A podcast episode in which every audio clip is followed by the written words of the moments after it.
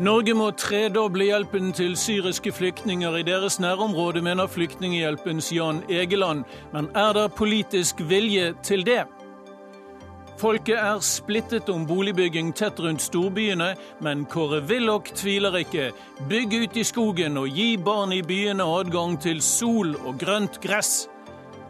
Anklager om demokratiunderskudd i kirken ved det viktige kirkevalget nå. Vet folk hva de står for i homosaken, de som skal velges?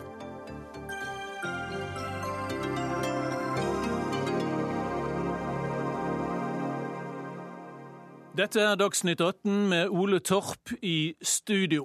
Vi skal også høre om det som kanskje er et nazitog bortgjemt i Polen, der skattejegere nå tror det skjuler seg enorme verdier fra krigens dager. Men eh, først i denne Dagsnytt 18-sendingen begynner vi, jeg holdt på å si, som vanlig med flyktningsituasjonen. Etter å ha besøkt flyktningleirer i Libanon og i Syria, mener Flyktninghjelpens generalsekretær Jan Egeland at regjeringen må tredoble hjelpen og bevilgningene til syriske flyktninger i området. Det rike Europa må ta en langt større del av byrden enn vi gjør nå, mener generalsekretæren. Og eh, Jan Egeland, velkommen til Dagsnytt 18. Fra 1 milliard kroner nå til 3 milliarder kroner neste år. Vil det avhjelpe situasjonen?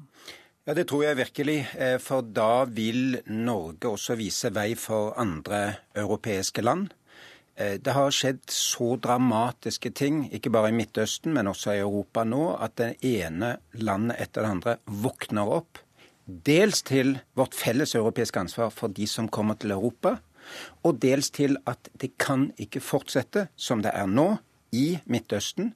Eh, Verdens matvareprogram ber om 12,5 dollar, altså eh, under 100 kroner per flyktning til mat per måned. Det? Og det får de ikke. Det får de. det får de ikke. Så nå skjærer man ned på rasjonene der. Og ettersom det nå er enighet, heldigvis, om at vi skal ta 8000 kvoteflyktninger her over tre år, et forholdsvis beskjedent antall, det er det full enighet om, så håper jeg nå at fokus retter seg mot Vi må ha et kjempeløft i regionen for å hjelpe de millionene som er der. For du har vært både i Libanon og til og med i Syria de siste dagene.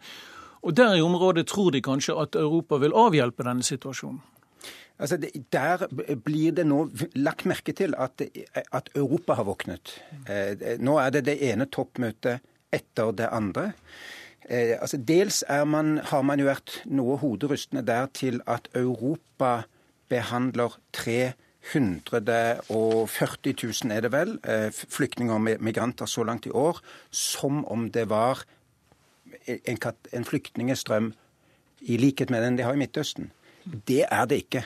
Eh, det er klart at europeisk eh, kontinentet kan håndtere den antall flyktninger som kommer. Nummer to, det er så mye snakk nå i Europa om at vi må avhjelpe situasjonen mer i nærområdene, at det er stort håp om at den katastrofale underfinansiering der nå vil eh, avhjelpes, og at det kommer store summer fra europeiske parlamenter nå. Ok, Asle Toje, forsker på utenrikspolitikk. La oss ta det norske bildet først, som Jan Egeland eh, etterlyser. Vil det hjelpe eh, mye om Norge tredobler hjelpen til flyktningene i området, etter ditt syn? Eh, Bl.a. Flyktninghjelpen og UNHCR gjør en kjempejobb i nærområdene. Bildet er ikke så mørkt som det eh, man kan få inntrykk av. Heldigvis så har det internasjonale samfunn gjort en fantastisk jobb i nabolandene i Tyrkia, i Jordan og i Libanon.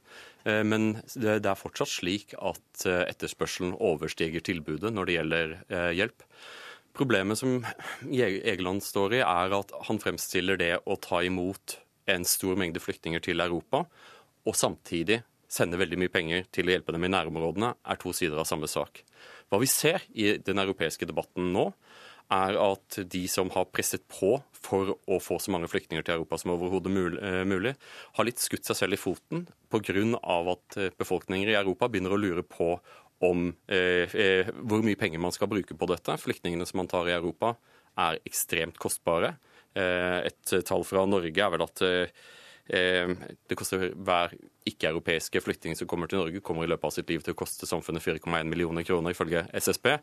Lignende tall ser vi i andre europeiske land. Eh, og vi ser denne enorme flommen av flyktninger. Tyskland ligger an til å motta 800 000 asylsøkere bare i 2015. Og det får en innvirkning på giverviljen i nærområdene, hvor den største jobben gjør. Og vi skal huske at 98 av de som flykter fra krigen i Syria, ender opp i nærområdene. Er det, er det på denne bakgrunnen at uh, Ungarn uh, strekker et piggtrådgjerde av frykt for hva det skal koste? Er det på sett og vis, unnskyld uttrykket, forståelig sett fra enkelte ungareres side? Eh, det vi ser er at EUs felles asylpolitikk er nå i filler. Det er et gigantisk svarteperspill der, der ulike land unnlater å ta fingeravtrykk på asylsøkerne og skyfler dem videre til neste grense. Og Ungarn er en av første, de første yttergrensene for Schengen-området. Eh, de har mottatt enormt mange flyktninger, og nå har på egen hånd bestemt seg for å, eh, å bygge dette gjerdet. Dette er meget kontroversielt, og du ser f.eks. Lauren Fabius, den franske utenriksministeren, har kommet ut i meget harde ordlag mot denne holdningen. På samme tid så ser du at Frankrikes vilje til å ta imot asylsøkere er meget begrenset. Så det er bare posering da, mener du? Eh, det er et element av posering. Eh, eh, franskmennene er også flinke til å skyfle sine asylsøkere over den tyske grensen. Det er derfor Tyskland har blitt det landet som tar imot aller flest. Men det landet, det landet som tar imot aller flest per capita, er Sverige, med Norge på annenplass. Jan Egeland, jeg antar du nå mener at vi må gjøre begge deler. Både hjelpe i nærområdene og ta inn så mange som mulig. Vil det kan et norsk krafttak i denne sammenhengen ha en smitteeffekt i positiv lei? Ja, det, det, er jeg helt sikker på det kan ha. Altså, det, det er ingen som ønsket denne situasjonen. Altså, det, verden har endt opp i den største flyktningkatastrofen siden andre verdenskrig. Europa får nå sin del, som en liten del, av den totale antallet flyktninger i Midtøsten. Europa er nabo til Midtøsten. Europa må satse mye mer i å hjelpe for å få fred, menneskerettigheter, unngå at folk fordrives, og så hjelpe dem nærmest mulig sine hjem. naturlig nok. For dette er ikke den største humanitære krisen eller flyktningkrisen siden annen verdenskrig. Den er mindre enn eh, Koreakrigen, den er mindre enn Biafra-krigen. Eh, det er ikke for å si at det er en liten krise, det er en enorm krise. Hvilke eh, tall opererer du med da? Eh, I antall fordrevne så, er, så overstiger tallene både fra Koreakrigen og Biafra-krigen. Jeg har sjekket dette. Uansett, vi, så det blir ikke mer sant av Uansett diskusjonen om, om, det større eller mindre, så vet vi at det er en, en uhyggelig stor tilstrømning av flyktninger nå. Og Spørsmålet er, Jan Egeland, får du noen signaler fra vår regjering om at de vil forsøke å øke hjelpen? Ja, eh, mitt eh, inntrykk er jo virkelig at Norge ønsker å øke hjelpen i eh, og rundt Syria. Stortingsforliket førte til en, en viss økning. I år blir det vel en og en kvart milliard. Men neste år håper og tror jeg virkelig at alle partier, og mitt inntrykk er fra SV til Frp, så ønsker alle et løft i nærområdene, og det tror jeg kommer. Men Asle Tøye, undersøkelser tyder på at det kort er svært liten vilje i Europa til å ta så mange? Ja, I 2014 så gjorde Pew en studie i Europas fem største land. Der fant de ut at uh, viljen til å ta imot ytterligere innvandrere var, var 93 av europeere ønsker mindre innvandring. Eh, det har de ikke blitt hørt på. Istedenfor har man fått en rask og stor stigning. Og jeg er redd for at det kan gå utover det viljen til å gi hjelp i nærområdene, som er den gode hjelpen. Og det er den hjelpen som, eh, som, som hjelper flest. Og det er der vi må holde fokuset. Så en oppoverbakke blir det, men eh, alle gode krefter settes inn. Takk for dere kom til Dagsnytt 18, generalsekretær Jan Egeland i Flyktninghjelpen og forsker Asle Toje. Vi skal fortsette med dette temaet med norsk politikk. SV og Fremskrittspartiet er så uenige som det er mulig, tilsynelatende i spørsmålet om hvordan flyktningkatastrofen skal håndteres. Tidligere i dag skulle de to partiene møtes til debatt i Dagbladets TV-sending, men det endte brått da nestlederen i Frp, Per Sandberg, gikk i sinne før debatten fikk begynt pga. en rockelåt, Per Sandberg. Velkommen hit, jeg håper du blir sittende. Er Du... Tåler du ikke rock? Jeg skjønner ikke hvor programlederen har eh, sinnet ifra. Jeg forlot eh, studio helt stille og rolig. Eh, i et fellesskap med min kommunikasjonssjef. og Det er fordi at premissene for den konstruktive debatten som jeg og Lysbakken skulle ha, innledninga der med den teksten, ingenting med artisten å gjøre overhodet. Men det innholdet det at vi skulle inn og diskutere tragediene og det forferdelige vi ser fra Middelhavet og andre områder nå, så skulle liksom innledninga være en tekst som går på dette med å knekke nakken og kjøtt som sprekker og hat og fremmedfrykt. Det var en helt feil innledning i forhold til en sånn debatt. Derfor er jeg glad for at jeg og Lysbakken nå får et par-tre debatter utover kvelden på dette mm. temaet. Ja, for uh, Audun Lysbakken, leder i SV, det, det, er, uh, det er kanskje ikke riktig at din motdebattant skal, skal eh, måtte finne seg og bli introdusert som en slags hater. Nei, altså Jeg er jo glad i, i, i Raga-rocker, altså, men jeg tror jeg lar den debatten være mellom Per Sandberg og Dagbladet. Jeg, eh, nå er det jo ingen kulturinnslag i Dagsnytt 18, så nå føler jeg vi er trygge. Så nå kan vi diskutere det vi skal diskutere. Lover at vi ikke skal spille noe. Men eh, over til saken. Uh, Audun Lysbakken, du har nettopp vært på Lesbos, hvor det kommer 2000 flyktninger noe sånt hver dag. Og det haglet med Twitter-meldinger eh, fra deg hvor du mener at eh, kanskje flere burde reise ned og bli så beveget av situasjonen som du åpenbart ble. Um, og Jeg forstår at du skulle ønske Per Sandberg tok den turen? Ja, altså jeg har utfordret eh, Per Sandberg til å, å, dra til Lesbos, rett og slett fordi jeg Når jeg dro ned dit, så var det fordi jeg både ønsket å lære av å forstå situasjonen, og prøve å gjøre noe med utgangspunktet i den norske debatten. Og Det jeg jo har reagert på i Fremskrittspartiets valgkamp, er at mye av den har tatt utgangspunkt i hva dette kan koste oss nordmenn. Eh, sette våre velferdsordninger opp mot disse flyktningenes behov osv. Eh, jeg mener at debatten må begynne et annet sted. Den må begynne der nede. Den må begynne med utgangspunkt i de menneskene som kommer i disse overfylte båtene til strendene på Lesbos, og se at nå er faktisk disse flyktningene i Europa. Så det er ikke et alternativ å hjelpe de andre steder. Vi må hjelpe de her. Og det betyr at vi må ha en større innsats. Og jeg tror at flere hadde hatt godt av å komme dit, for da blir det veldig tydelig at det er sånn. Det, er det noe du kunne overveie, Per Sandberg? Jeg har vurdert det også ja. før Lysbakken eh, reiste ned. Og har jeg, fortsatt, har jeg fortsatt til vurdering. Jeg har flere ja. invitasjoner stående. Mm. Men da vil jeg faktisk, eh, hvis jeg skal foreta en sånn reise, så vil jeg gjøre det i forhold til utgangspunktet, som Lysbakken også sier. Og utgangspunktet nå er nærområdene. Og det hørte vi på den forrige debatten her. Eh, nå har FN ut senest i dag, Flyktninghjelpen ut i dag, og sier det at menneskene som bor i flyktningleirer og i nærområdene, har mangel på grunnleggende behov, altså til og med vann. Og Det er jo det som er utgangspunktet for Fremskrittspartiet også har vært i debatten, at vi ønsker å hjelpe betydelig mer i nærområdene. Derfor foreslo vi en milliard ekstra. Og Nå hører jeg også at både Flyktninghjelpen, FN og andre sier at denne debatten nå kommer for sent. Nå sier Flyktninghjelpen tre milliarder. Og det betyr for meg at det er betydelig kapasitet til å hjelpe og bidra enda flere i nærområdene. For det FN også sier, og Flyktninghjelpen helt enig med Fremskrittspartiet det er det at nå er vi i en situasjon der at vi i Vesten og i Europa vi slipper til så mange flyktninger, og det blir brukt så mange ressurser i Europa at landene i Europa nærmest ikke har ressurser til overs for å hjelpe i nærområdene. Det har Norge. Vi kan bistå betydelig mer i nærområdene for faktisk, for faktisk å forebygge. Men de vil vel egentlig at vi gjør begge deler? Ja da, men vi gjør jo begge deler. Det gjør Fremskrittspartiet også. Det handler bare om at hvis mer du hjelper i Norge, hvis mindre kan du da hjelpe i eh, nærområdene. Og, derfor, og det som er så viktigste nå altså, Vær så snill, altså, debatten, jeg har stått i denne debatten i tre uker nå. Er barn. Jeg har vært FN-soldat. Jeg har vært og sett på denne type kriser og katastrofer. Og der at barn er involvert, det river hjertet til oss alle sammen. Vi er på gråten når vi ser dette. Men det eneste måten å forebygge dette på nå, det er å hjelpe disse menneskene så de ikke reiser ut på denne farefulle ferden og havner i klørne på menneskesmuglere og drukner i Middelhavet. Det er det eneste som hjelper nå. En massiv bistand i nærområdet. Men det er en falsk motsetning at vi må, kan gjøre mindre der nede hvis vi hjelper de flyktningene som har kommet til Europa. Sannheten er at vi er nødt til å gjøre begge deler. Disse menneskene går det ikke an å sende tilbake igjen. Jeg har lyst til å bare gi et eksempel på en familie jeg møtte på Lesbos. Det var en syrisk-palestinsk familie fra Aleppo. De hadde vært en velstående familie, drevet en butikk. Butikken var bombet, huset var bombet, flere familiemedlemmer var, var drept. De hadde kommet til Libanon. I Libanon så hjelper de ikke flere palestinere, for de har så mange palestinske flyktninger dit. Sånn at kapasiteten i nærområdene er sprengt.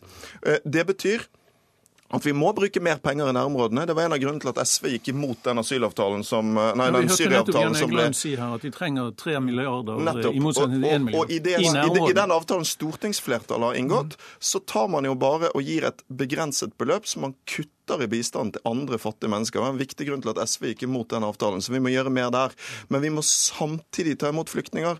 Eh, og det som er dramatisk nå, er jo at det er en fryktelig liten innsats i de delene av Europa der disse flyktningene kommer. Det jeg så på Lesbos, var jo at myndigheter, eh, nødhjelpsorganisasjoner er nesten fraværende. Eh, det første mottaket av disse flyktningene var opp til en liten gruppe frivillige ildsjeler. Så vi, vi, er nødt til å gjøre noe både her og der. Ja, men, men det gjør vi. Altså I det ordinære budsjettet i år så havna vi på 2250 syriske flyktninger. Så vi gjør det. Og I tillegg nå så registrerer vi bare i august så vil vi sannsynligvis ta imot over 2000 asylsøkere. Kommer 40 det, til Svinesund uh, ja, hver eneste dag? Vi ser, vi ser nå at, at, at, det presses på i mye større grad. Og så sier jeg det. Uansett, hvis flere som må ha bistand i Europa hvis mindre blir det til bistand i nærområdene. Hvis ikke så Jeg kan være villig til å sitte og si at jeg kan presse på mitt parti i regjering og si at OK, bevilge tre milliarder, da som Flyktninghjelpen ønsker seg nå. Hvis det er det som skal til. Det er du med på? Ja, det er i hvert fall vi villige til å diskutere. Og det var jo derfor vi tok den beslutninga i våres også, når Flyktninghjelpen sa gi oss 1 milliard til å hjelpe 1 million mennesker mer i nærområdene. Så, så, foreslo vi det i Stortinget. Rett og slett for å hjelpe i nærområdene. Hindre at barn og kvinner blir med på denne tragedien med å havne i klørne til menneskesmuglere. Rett og slett. Men, og Det bra, Sandberg, det kan hende at det for en gangs skyld noe vi kan stå sammen om og prøve å presse de andre partiene til å gi mer til nærområdene.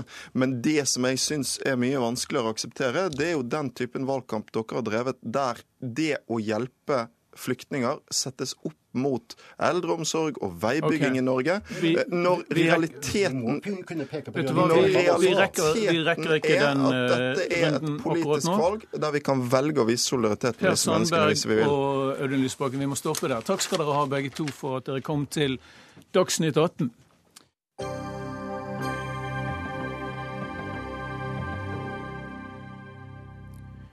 Gjør som Tyskland og sett Dublin-avtalen til side, sier KrF-leder Knut Arild Hareide i Aftenposten i dag. Avtalen mellom EU og Liechtenstein, Island, Norge og Sveits gjør at asylsøknader bare blir behandlet i ett EU-land, og dermed får et eventuelt avslag i alle landene på én gang. Knut Arild Hareide, velkommen hit, eh, leder i Kristelig Folkeparti. Hvorfor mener du nå at Dublin-avtalen må settes til side i dette tilfellet? Ja, Vi hørte det tidligere i sendinga. Troje sa at det foregår et svarteperspill i Europa. Eh, landet fordi situasjonen er så krevende nå. Eh, vi ser òg at det er ganske mange som eh, ja, i realiteten prøver å utfordre dette regelverket ved at de prøver med en illegal flukt gjennom landet. Eh, og vi ser at det er, skaper utfordringer for de landene som ligger i grenseområdene. Belastningen blir så stor for de ja, mener du at Dublin-systemet nærmest har brutt sammen allerede? Det kan bryte sammen. Dublin-avtalen er veldig viktig, den er veldig god. Men vi ser at de landene som ligger ytterst, de får en ekstrem belastning. Egentlig en belastning som hele det europeiske fellesskapet i fellesskap bør ta. Og det Merkel gjør nå, det er veldig viktig. Hun tar et lederansvar i Europa. Så at denne belastningen kan ikke bare være Italia sin, kan ikke bare være Hellas sin. Den må vi ta som fellesskap. Eh, og hadde Norge gjort det samme nå, så er vi med på å ta en større del av den byrden som Europa nå i fellesskapet nødt til å ta. Og bare så vi forstår det helt riktig, og for, for lytternes skyld, hvis man uh, søker uh, her, og så kan man risikere å bli sendt tilbake til uh, til f.eks. Hellas, hvis det var første sted man kom til. ikke sant? Mens... Det stemmer, men på ett års tid nå så har ikke vi sendt tilbake til Hellas, Nei. som et eksempel. Men Italia så sender vi fortsatt men... tilbake. Og dette gjelder da syrere. Mens, mens hvis man opphever den avtalen, så kan man søke på nytt i andre land ja, da, eh, en, og da blir jo det sånn at behandlingen av asylsøknadene blir jo langt bedre. Man får rett og slett flere sjanser? Eh, nei, jeg vil ikke si det, for du får jo en sjanse i, ditt, i det landet der du da søker. Mm. Men poenget er at du får en bedre behandling av asylsøknadene. Og du åpner òg at den illegale eh, trafikken som er der i dag, den vil òg forsvinne. Og ikke minst, vi tar et felles ansvar i Europa. Det er ikke bare yttergrensene ved Schengen som må ta det ansvaret for den situasjonen som er nå. Vi deler byrden eh, i det europeiske fellesskapet som vi har. Statssekretær i Justisdepartementet Jan Kalmyr, velkommen til Dagsnytt 18 til deg også. Er det aktuelt for regjeringen å gjøre eh, det tyskerne gjør, se bort fra Dublin-avtalen i eh, Syria-flyktningenes tilfelle? Uh, nei. Eh, og jeg forstår egentlig ikke helt argumentasjonen til eh, Hareide nå. Mm. Han sier for det første at man skal unngå uh, svarteperspill mellom land. Men det er jo nettopp derfor man har disse Dublin-forordningene. fordi at det Hvis man fjerner seg fra Dublin-forordningen, det er jo da man får svartespillet. fordi at det betyr at når det kommer en person som først har vært i Polen, til Norge, så har man i dag en anledning til å sende han tilbake igjen til Polen. Eh, og Derfor eh, så er det slik at Polen vet at de må realitetsbehandle denne asylsøknaden i Polen. Så det du er redd for, eller det dere er redd for, er at man skal oppleve en slags asylshopping? rundt Det blir en asylshopping. og Det var nettopp derfor man fikk tak i de Dublin-reglene, for å nettopp forhindre denne asylshoppinga. Så hvis man er opptatt av at ikke folk skal på en måte bli eh, drevet fra land til land, ja da er det viktig at man holder fast på Dublin-reglene. Så har jeg lyst til å si det, at eh, nå har man nettopp fått til en avtale der man har sagt at 40 000 som altså får opphold i Italia og Hellas, skal bli relokalisert til andre land. Men Forutsetningen for det er jo da at det blir faktisk registrert noen i Italia og Hellas, og så skal de bli relokalisert. Og Vi vet fortsatt ikke nå om Tyskland regner dem inne av altså dem som nå skal egentlig til Tyskland for, gjennom relokaliseringsprogrammet, som en del av dem de nå ikke skal sende tilbake via Dublin-forordninga. For faktum er det at det ble registrert for få personer enn det som det skal fordeles gjennom Hareide, skal man kaste en hel avtale på båten fordi at den nå blir satt på prøve? Nei, og det er nettopp fordi at vi skal sikre Dublin-avtalen vi er nødt til å gjøre dette. Fordi nå er belastningen så stor for de som er en del av denne avtalen. Og ikke minst så gjelder det da de grenselandene. Så hvis vi skal ha de med på Dublin-avtalen videre, så er vi nødt til å gjøre nettopp dette. Og så er jo paradoks to her. Det at Norge har jo allerede i dag sagt vi sender ikke tilbake til Hellas. Altså akkurat det jeg ber om, bare at det skal gjelde alle landene for alle syrere. F.eks. òg Italia, som har en enorm belastning akkurat nå. Så vi har jo allerede gått inn på det konseptet som jeg eh, ber regjeringa om å gjøre her. Så, så hvis eh, den retorikken fra statssekretær Kalmyr skulle vært riktig, så snakker han altså imot sin egen regjering, som har sagt de sender ikke tilbake til Hellas i løpet av det siste året. Og det har jeg lyst til å si, det er bra at ikke dere gjør. Men, men, det er en helt annen begrunnelse, nemlig fordi at mottakssituasjonen i Hellas er så dårlig at det vil være i strid mot menneskerettighetene å sende tilbake til Hellas. Og Det er en konkret vurdering man gjør fra land til land. Man vil alltid vurdere om det er trygt å sende folk tilbake til det Schengen-landet. Det er et system som egentlig har vært eh, ganske stor enighet om. Men vi snakker altså her nå om at vi har sendt tilbake via Dublin-ordninga land i denne sammenhengen som strever med ja, det var svært en periode man ikke sendte tilbake barnefamilier til mottak i Italia også. Eh, men jeg har lyst til å komme til poenget her nå. Det, er rundt 60 personer som ble returnert til andre Dublin-land av eh, syriske flyktninger som kom til Norge i løpet av siste året. Så det er ikke akkurat veldig mange personer det er snakk om. Eh, og, det er et godt argument for at dette bør, ja, men, men bare, hør noe, bare hør nå på videre fortsettelsen. Mange blir sendt tilbake til Sverige fordi at de har kanskje fått opphold der. Noen har kanskje fått opphold i Polen, i Frankrike, i Nederland og sånne land. Men noen har lyst til allikevel å komme til Norge, sjøl om de har fått opphold i andre land. Mener KrF virkelig det?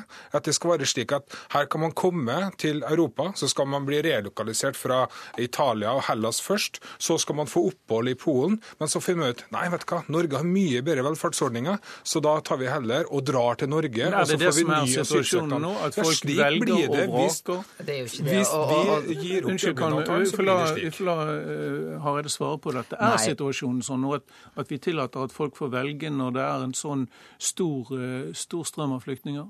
Dessverre så så vi hva situasjonen er i helga, der mm. mennesker blir transportert i biler, der vi opplever de mest eh, tragiske dødsfall. Uh, og det som Angela Merkel gjør her, er at hun tar et europeisk lederskap. Hun tenker ikke bare på Tyskland, hun tenker hvordan skal Europa i helhet takle dette. Og da er det sånn at da kan ikke vi sitte i Norge Da kan ikke vi sitte og bare tenke på hva som er best for Norge. Vi må tenke en fordeling. Og akkurat nå så er det yttergrensene som tar den store belastningen ved Schengen-grensa den Schengen-grensa, som òg er vår grense, og det er vårt felles ansvar. Det blir må vi... smugling av at folk skal bli transportert til Norge uten å bli returnert tilbake. Der må vi stoppe dere. Takk skal dere ha, Knut Arild Hareide, leder Kristelig Folkeparti, og statssekretæren i Justisdepartementet, Jøran Kalmyr. Flyktningsaken engasjerer jo sterkt. politikere og hjelpearbeidere. Liv Tørres kommer i studio nå. Du har utallige ganger tidligere vært i dette studio og snakket flyktningenes sak. Og mm. vi har i dag fått nyheten at du er eh, på vei over i en ny jobb. Det er snart mm. slutt på å snakke om flyktninger. Eh, Liv Tørres, hvorfor det? Jeg vet ikke om det er helt slutt på å snakke om flyktninger, snakke om solidaritet, snakke om humanitet, ha engasjementene og verdiene. Jeg tror jo det Eh, passer veldig godt også i min nye jobb, ja, om enn med en litt blitt, annen eh, innfallsvinkel. Du har altså blitt ny direktør for eh, Nobels fredssenter fra, mm. fra 1. januar. Men hvorfor går du bort fra flyktningarbeidet? Det er, det er, nok sånn at eh, det er en, en kombinasjon. Det er eh, punkt nummer én at det er et fantastisk senter. Mm. Nobels fredssenter har, eh, har utviklet seg voldsomt i løpet av de ti årene nå i den første fasen. Eh, fantastiske utstillinger, eh, arrangementer og fantastiske og viktige budskap. Og så tenker jeg jo at apropos disse diskusjonene om flyktningene og de store eh, humanitære krisene som vi står overfor nå internasjonalt, de, de er jo et sterkt uttrykk for at vi ikke har verktøyene, kanskje kunnskapen, eh, visdommen eh, om hvordan vi skal løse de krigene som ligger bak. Er det noe du vil gjøre med Nobels fredssenter som, som uh, å vri det inn på en mer debatt om, uh, om uh, freds- og diplomatiarbeid og flyktninger spesielt? Både styret og jeg er jo veldig åpne på at vi ønsker å synliggjøre dette senteret mye mer internasjonalt. Dette har et kjempepotensial og et viktig budskap. Dette er en viktig norsk merkevare også. Fredsprisen, fredsprisvinnerne og den klokskapen de har stått for opp gjennom årene. Og så er det helt klart også en ambisjon å bidra til her å skape en arena for, for informasjon om fred, konfliktløsning, mm. eh, diskusjon. Men skal Nobels fredssenter bli en tydeligere stemme som kan være mer kritisk mot f.eks. norsk flyktning- og asylpolitikk? Dette blir jo aldri og skal ikke være en partipolitisk institusjon. Men, det var ikke det jeg spurte om. Men, men... Nei, men, men ja, en tydelig arena og en sentral møteplass for informasjonsutveksling, mm. debatt og kunnskapsutvikling. Definitivt. Mm. Og det er i høyeste grad Men du har jo tidligere som, som leder for Folkehjelpen kritisert regjeringens håndtering eh, i noen tilfeller av flyktninger. Blir du en like tydelig stemme som leder av eh, fredssenteret som du har vært til nå? Jeg blir nok en tydelig stemme, ja. Mm. Helt klart. Og en engasjert stemme, og en stemme som er basert på et verdimessig eh, grunnlag som jeg er helt sikker på passer budskapet om konfliktløsning og fredsbygging veldig, veldig bra, håper jeg. Men du vil ikke være redd for å tale regjeringen midt imot hvis det skulle være aktuelt med en kontroversiell utstilling? Jeg tror at det viktigste her er å ha fokus på målet, som må være å bidra til fredsbygging og konfliktløsning. Dette er jo Altså, vi kan sitte her og diskutere enten eller eller både og, men realiteten er at Syriakrigen f.eks. er nå inne i sitt femte år. Og, og mer intens innsats må til for å løse den krigen, og andre av disse borgerkrigene som, som nå skaper flyktningstrømmene og desperate forhold for, for mennesker. Liv Tørres, takk skal du ha for at du kom i studio. Det blir interessant å følge deg i din nye jobb, også som leder for Nobels fredssenter fra neste år. Dagsnytt 18 alle hverdager kl 18.00 på NRK P2 og NRK2.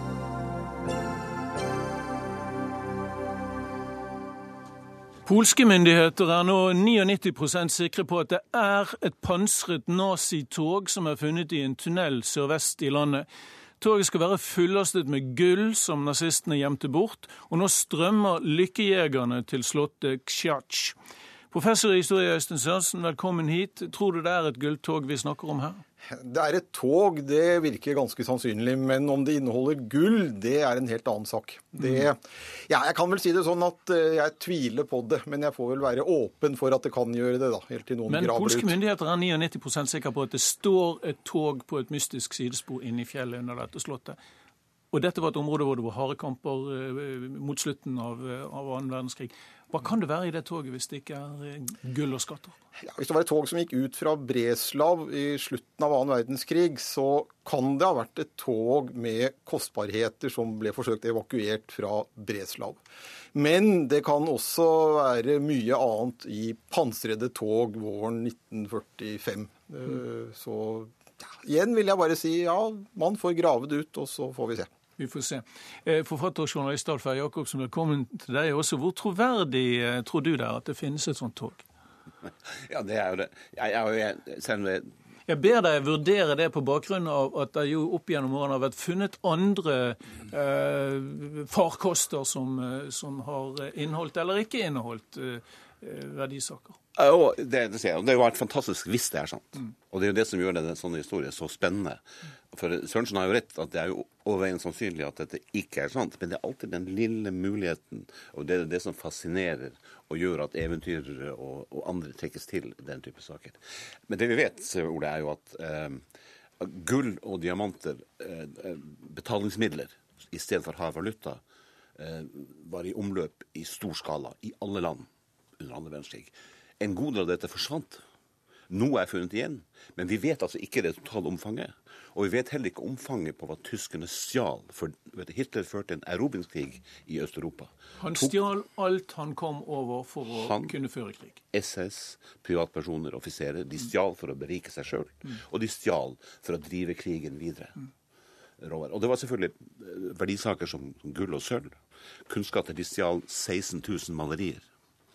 Og vi vet jo at i sluttfasen i Berlin så ble jo eh, beholdninger av gull, som de også hadde tatt fra konsentrasjonsleirfangene, osv. osv. ble jo skipa ut. Og man leter jo i innsjøer nord og syd for Berlin i håp om å finne Det kan være alt fra armbånd til til og med gullplomber og slikt. Det kan være alt. Det kan være alt. Øystein Sørensen, tyskerne er kjent for sine plyndringer, og en del ting som er borte fra verdens uh, flotteste museer, aldri gjenfunnet. F.eks. i Russland. Kan det være en, en russisk skatt fra St. Petersburg eller Leningrad, dette? Ja, Skal man begynne å fabulere om hva det kan være, så vil den store skatten være det såkalte RAV-rommet.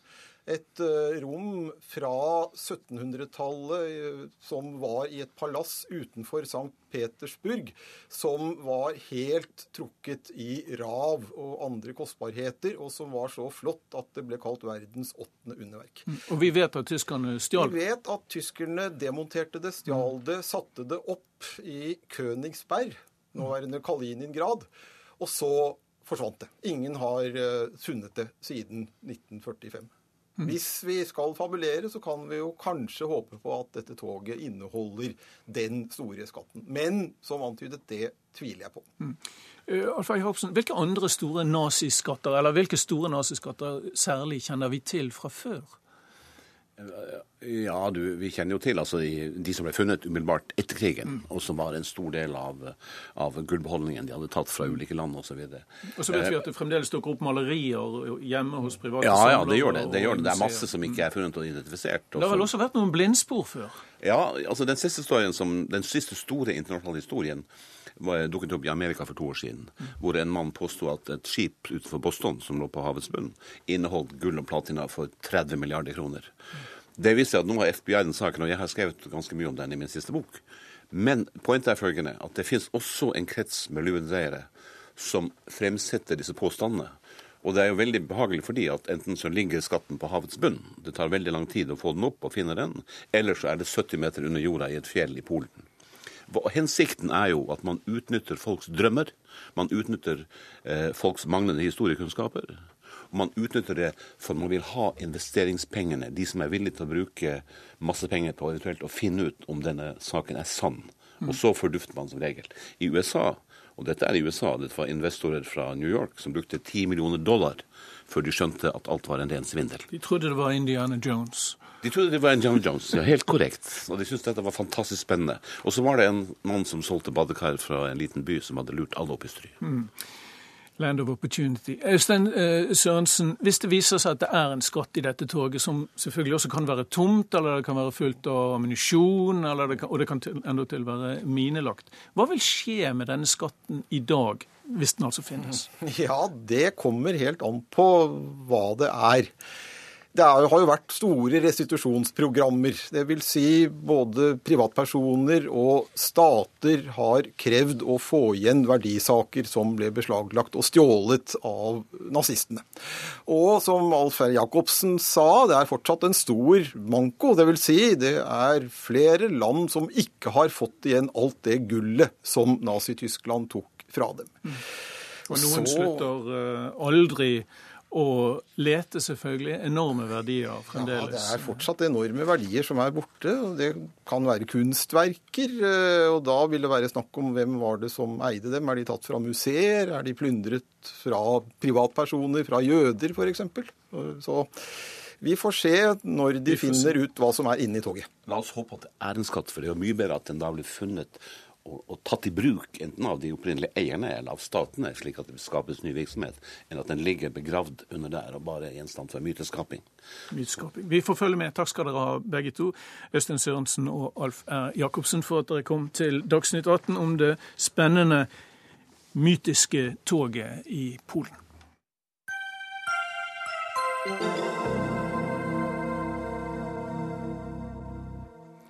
Skal vi bygge eller ikke bygge i villmark og turterreng rundt de store byene våre? Mens flere flytter inn til byene, øker presset på å bygge i skogen rundt sentrum for å slippe å bygge enda høyere og tettere i bykjernen.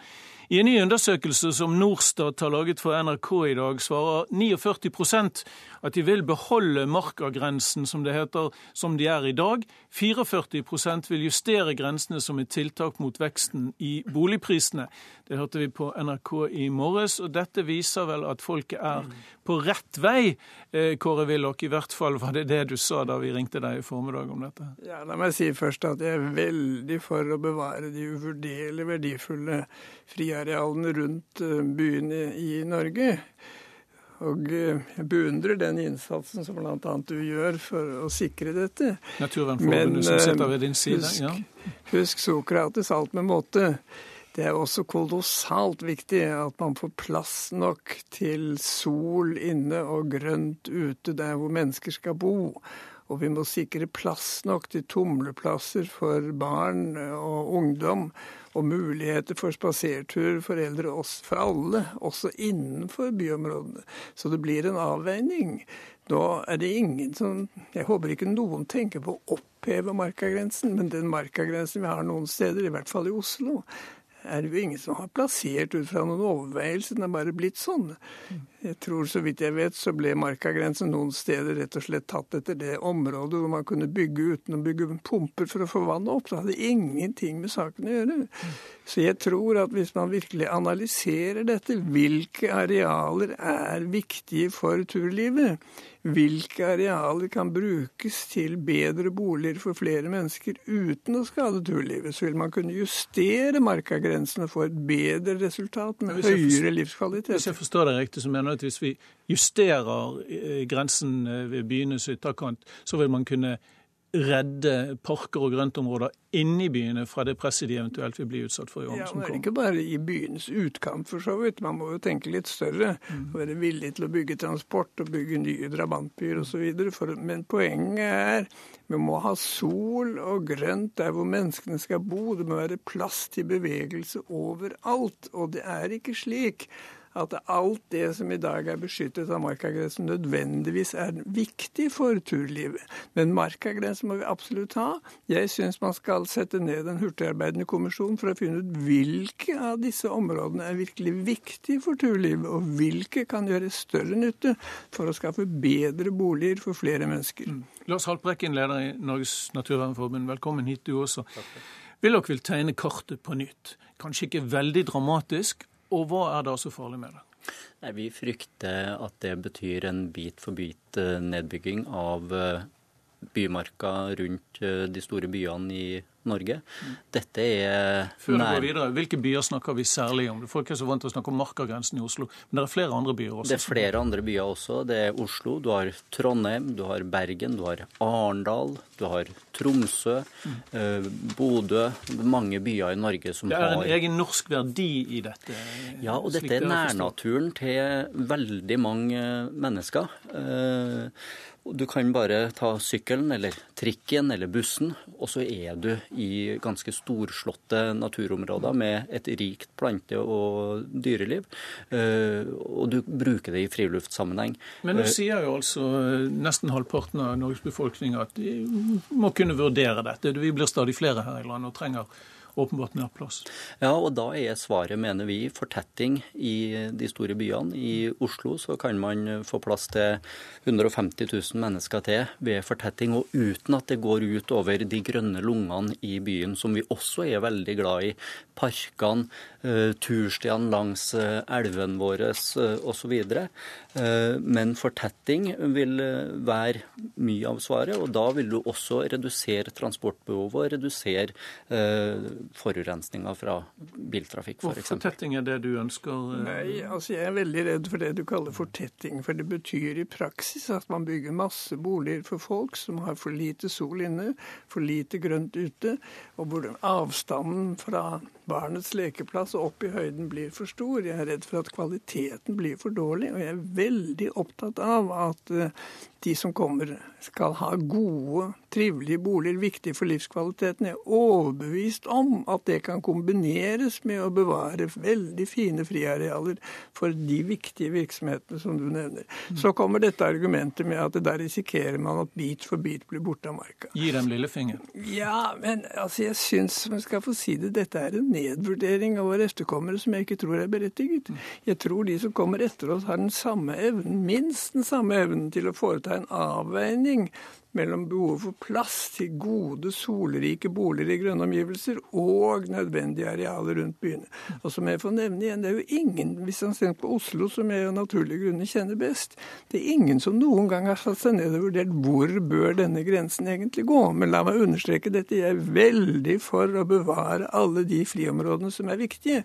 Men jeg er sikker på at det finnes områder innenfor markagrensen som ikke er viktige for formålet friareal, men som kanskje kan brukes til boliger. Lars Haltbrekken, når du går inn i undersøkelsen som vi vet du må ha gjort i dag, hvem er det som særlig ønsker å beholde grensene slik de er i dag? Ja, og Det er en ganske interessant ting ved undersøkelsen, for den viser at dem som bor i leilighet, er dem som er mest opptatt av å bevare markagrensa.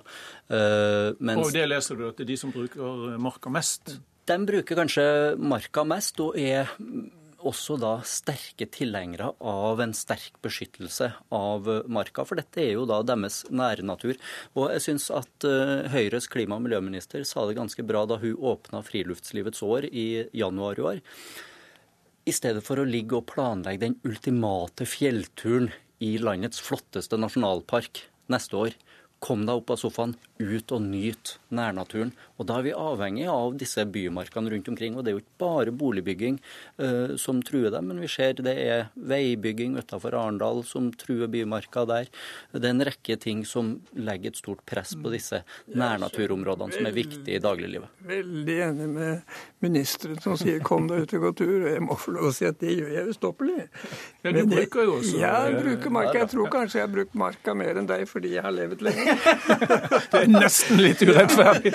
Nesten litt urettferdig. Jeg syns vi skal se på mulighetene, for jeg ser jo også en del av denne nye bebyggelsen de kaller fortetting. Det er ikke godt nok for den oppvoksende slett barn og unge å bo i områder med lite sol og lite grønt, og hvor de ikke kan tumle ute uten å ha vært under oppsyn av eldre. Så vi er nødt til å kombinere disse to hensynene, og jeg er sikker på at det kan vi klare hvis man våger å sette seg ned og vurdere hvor skal grensen gå? Må vi justere den litt, så kan vi oppnå veldig meget i form av bedre livskvalitet for alle. Jeg vet at den diskusjonen ikke slutter eh, der ute, men den slutter her. Kåre Willoch og Lars Haltbrekken, tusen takk skal dere ha for at dere deltok i eh, diskusjonen om naturområdene nær våre store byer.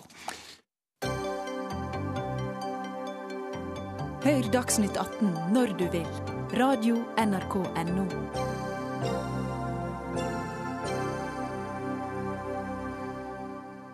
En eh, todelt ordning under kirkevalget som snart kommer, skaper splid. Åpen folkekirke, som vi vet nå støtter at homofile får gifte seg i kirken, krever at alle bispedømmer innfører direktevalg, ellers kan stemmer bli bortkastet. Ved høstens valg har fire av elleve bispedømmer en eh, todelt ordning med både direkte og indirekte valg. Levende folkekirke, som er motstander av kirkelig vigsel av homofile, støtter dagens valgordning. Hvis dette hørtes innviklet og vanskelig ut, Sturla Stålseth, for, eh, for folk der ute. Du er professor ved Menighetsfakultetet og leder Åpen folkekirke. Hvorfor er du motstander av denne todelte valgordningen? Fordi den eh, bidrar til å eh, svekke alminnelige medlemmers påvirkning på det viktigste Eh, organet vi har i Den norske kirke, Kirkemøtet. Eh, når man lager eh, en indirekte valgordning, så blir det jo slik at stemmene teller mindre, for man skal velge færre kandidater. Og så er det noen som får anledning faktisk til å stemme to ganger. Fordi det kommer en ny valgrunde i disse fire bispedømmene som har denne indirekte ordningen. Og ved den indirekte ordningen sånn at man stemmer på noen som man ikke vet hvem de vil utpeke i neste runde. Nettopp. Mm. Og hva de står for i nei. dette spørsmålet, og de som får med, er så viktig. Ja, og de får til og med en mulighet til å, å, på en måte korrigere det valget som har skjedd. ikke sant? De får en, en, en mulighet til å enten forsterke en, en, tendens eller å motvirke den tendensen. For det neste valget foregår i november. Mm. Er, det, er, det, et demokratisk problem, etter din mening? Det er det absolutt, etter min mening. Jeg mener at det er veldig viktig at det er direkte valg til Kirkemøtet alle, blant alle Kirkens medlemmer. Mm. Eh, vi skal rope på Øyvind Benestad, som er leder av Levende folkekirke. Eh, Benestad, du er med oss fra mm. studioet vårt i Kristiansand. Um, og du vil gjerne opprettholde denne valgordningen hvor bispedømmene selv skal bestemme, ikke sant? Jo, altså jeg vil jo det personlig. Vi i Levende folkekirke har ikke noen offisiell posisjon på dette, så det er ikke noe vi syns er veldig viktig som har med teologi å gjøre, men det har med de praktiske og demokratiske ordningene i Kirken. Og vi mener at eh, både Åpen folkekirke og Stålsett tar feil når han mener at det er mindre demokratisk med sånn representativt demokrati. Det er jo sivilsamfunnet helt fullt av. Idrettsforbundet, Røde Kors, Amnesty. Det er ingen av dem som lar folk og medlemmene sine velge generalforsamlingen. Det er alltid representativt på forskjellige nivåer. og Det, det er helt gjennomført i hele det sivile samfunn. Og Kirken er ikke noe politisk organisasjon hvor alle må velge generalforsamlingen, som er Kirkemøtet, altså det øverste organet. Men Benstad, øh, egentlig mener du at det bør være status quo i denne saken for at dere kan sikre dere mot at bispedømmet godtar homovigsler? Er det ikke sånn? Nei, nei, nei. Det har ingenting med det å gjøre. Altså her... Dere er sterkt mistenkt for å ha den holdningen? Ja, jeg, ja da man si det det mistenker sterkt også stolthet og Åpen folkekirke, da for det motsatte. Men altså, jeg stemte for det, for jeg sitter selv i bispedømmerådet og i mm. kirkemøtet, fordi jeg mener det er en veldig god ordning. Uh, Stålsett sier at vi kan korrigere det som har skjedd i første runde, og det er helt sant. F.eks. i Bjørgvin så var det ingen som kom inn fra Sogn og Fjordane, fordi Bergen er jo tre ganger så stort som hele Sogn og Fjordane i folketall. Og det favoriserer de som bor i store byer. vi kan ende opp med at det kun er kvinner eller kun menn, ingen under 30 år, som kommer inn i første runde. Og da har altså menighetsrådene den gode sjansen til at de kan justere det og rette opp noen av de skjevhetene. Og det kan ikke jeg se er en ulempe. Det er faktisk faktisk en stor fordel. Og jeg her i Kristiansand der, der, Vent litt, vent litt Stålsett. La, la, nei, eh, la vent litt, Pinstad. La oss prøve det på Stålsett. For der er jo en annen grunn til at menighetsrådene burde kunne være inne og regulere. Eh, F.eks. i Bjørgvin, hvor det ikke bare kan være bergensere til stede, det må være noen sogninger også. Jo, det er klart man kan. Og, og jeg, det, er, det, er, veldig viktig. og Av og til så forutsetter man nærmest at eh, de mest eh, aktive som blir valgt inn i kirke, i menighetsrådene osv., at de står for en konservativ linje f.eks. i dette spørsmålet. Det er slett ikke opplagt. Jeg tror mange som er av de som, som, ofte er aktive i Kirken, er også av en åpen folkekirkeholdning. Men det som er det demokratiske problemet, eller det som vi ser veldig tydelig nå, hvor representanter for Levende folkekirke og andre på den fløyen tydelig gir uttrykk for at de egentlig ønsker en lavere valgdeltakelse enn det det ser ut til å bli ja, i kirke, kirkevalget nå. De siste dagene har jeg sett at uh, bl.a. Uh, kristne frontfigurer som Espen Ottosen og redaktøren i Vårt Land, Helge Simones, har håpet på lav deltakelse. Eh, men det er vel ikke fordi at de håper det skal komme få mennesker og stemme på dine forslag, men fordi de mener at de som bruker tid på Kirken, også skal få eh, bestemme i den. Ja, og jeg mener at indirekte valg peker i samme retning. Og nå er dette kirkevalget så viktig, for at nå handler det om at Kirken skal være en folkekirke som tilhører alle som ønsker å tilhøre denne mm. kirken. Jo, og det som er på spill nå, er nettopp hva slags opplevelse og faktisk påvirkning det brede laget av folk eh, har på denne kirken. Og jo, Da går det i altså, samme retning når man ønsker å begrense hvem som får lov til å stemme. Så er det litt sånn om, om man var i, liksom, vi kunne tenke seg i, i, samfunnet om man plutselig skulle begynne å sende signaler om at egentlig burde bare de som har fast jobb, stemme ved mm. stortingsvalget. Vi må slippe til Benestad også. Benestad, er, Det må være problematisk dette at dere i Kirken ikke klarer å bli enige om en felles valgordning? Jo, men altså, Det har vi blitt enige om eh, på kirkemøtet. Dette blir jo vedtatt på kirkemøtet. Det er ikke noe vi kan forandre nå før valget om to uker. Så egentlig er det litt tåpelig å snakke om at nå må vi liksom gjøre noe før dette valget. For det er, det er fire år nå til neste gang det er nytt valg, og da må det evalueres og ses hva vi kan få til. Men det er jo et representativt demokrati hvor alle har stemmerett til menighetsrådene. Og det skal jo stemmes nå på samme dagen, nå den 14. september. Men du mener det er mye som står på spill Eh, og at denne ordningen kan få en betydelig innvirkning på, i stridsspørsmål om veksler vigsler og homofile. Det Nei. mener du ikke? Nei, altså I min egen menighet så har jeg ingen jeg kan stemme på som deler mitt ståsted til menighetsrådsvalget nå når det gjelder at ekteskap er for mann og kvinne, og at barn har rett på sin egen mor og far. Det er ingen i menighetsrådet som står for det, så jeg, jeg vet ikke om jeg skal boikotte eller om jeg skal stemme blankt, eller hva jeg skal.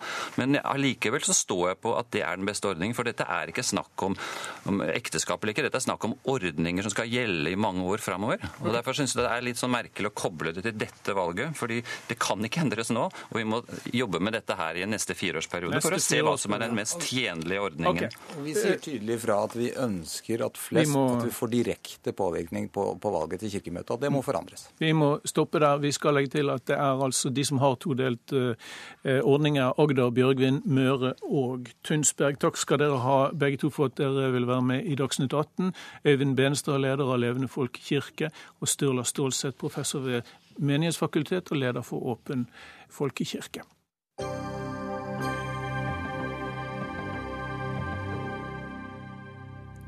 Så en sak som uh, opprører uh, hele verden. To indiske søstre er dømt til voldtekt fordi broren rømte med en gift kvinne.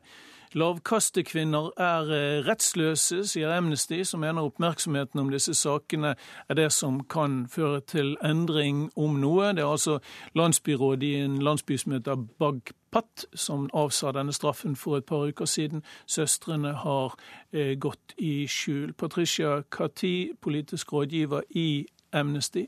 Eh, disse landsbyrådene har jo ingen eh, formell makt i India, så hvordan er det mulig for rådene å holde på på denne måten?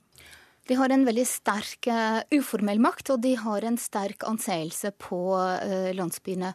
De er jo også forankret i de øvre lagene i befolkningene, de som har uh, i, i, i, grupper i samfunnet som har makt i samfunnet. Og derfor så vedvarer deres posisjon og deres evne til å avsi slike dommer. For det er ikke første gang at de har dømt kvinner til voldtekt. Mm. Men i vår uh, kulturkrets og forestillingsverden så er det kanskje vanskelig å få øye på hva landsbyrådet oppnår med en slik straff via stedfortredere. Det er jo denne broren som har forgått seg etter, etter sed og skikk.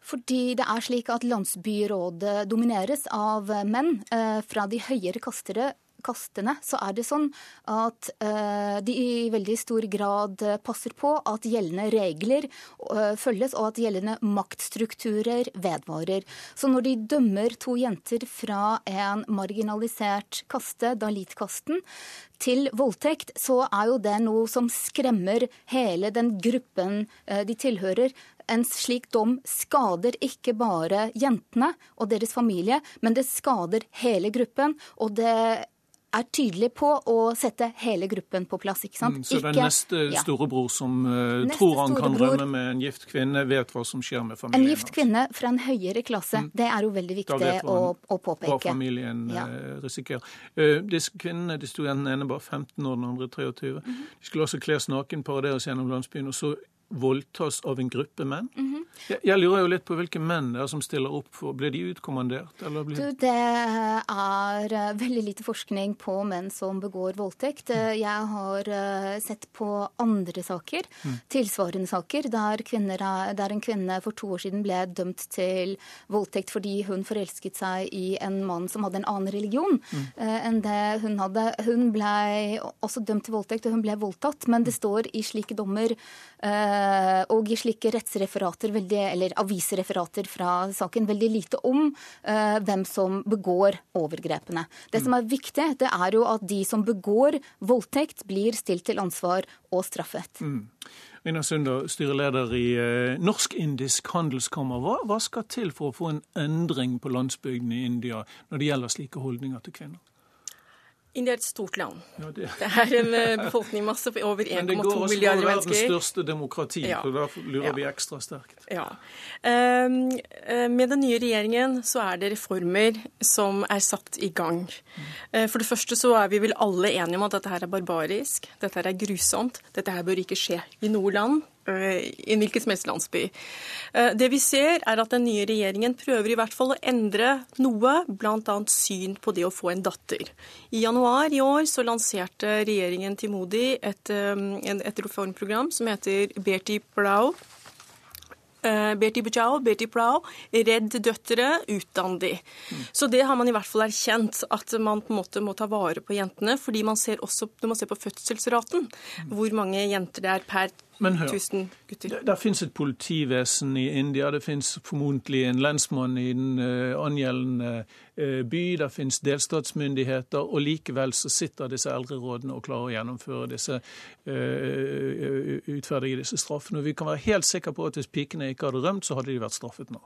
Ja, absolutt. Hvorfor ble det ikke grepet inn? Nettopp fordi at disse landsbyrådene er jo ikke noe, det er noe som er opphevet by law for lenge siden. Det er ikke noe som har legitimitet i India.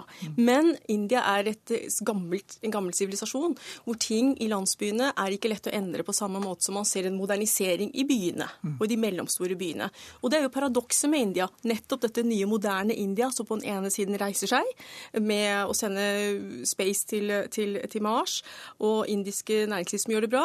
Men eh, reformene Det settes i gang reformer. Det er holdningsendring som må til.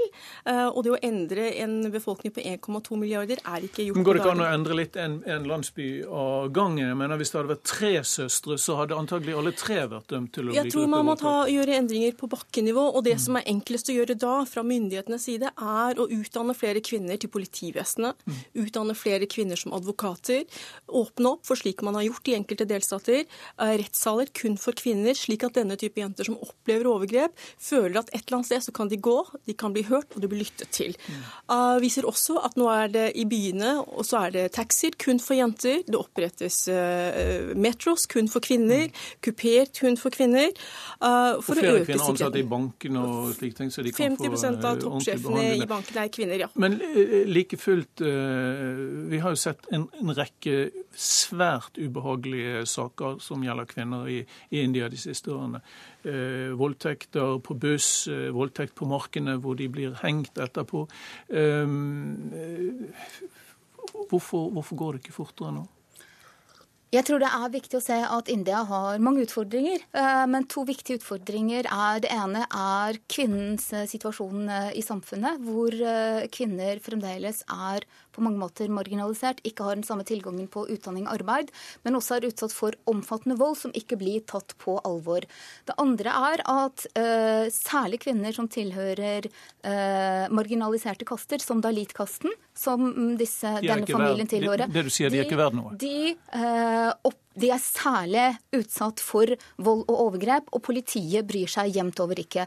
India har mange gode lover. India har også forpliktet seg gjennom uh, å tilslutte seg sentrale FN-konvensjoner, men de mangler gjennomføringsevne og kanskje også vilje. Eh, politi og rettsvesen er kjempeviktig. Mm. Og pol Kvinnelig politi ville kanskje vært eh, noe å satse ekstra på. Vi får se hvordan det går. Kvinnene er i, i dekning og kan eh, foreløpig ikke straffes. Vi får følge med og se. Takk skal dere ha begge to for at dere kom til Aktuelt, Rina Sunder og Patricia Kati. Da er Dagsnytt 18 slutt for i kveld. Ansvarlig for sendingen Ingebjørg Sebu. Teknisk ansvarlig var Lisbeth Sellerete. Jeg heter Ole Torp.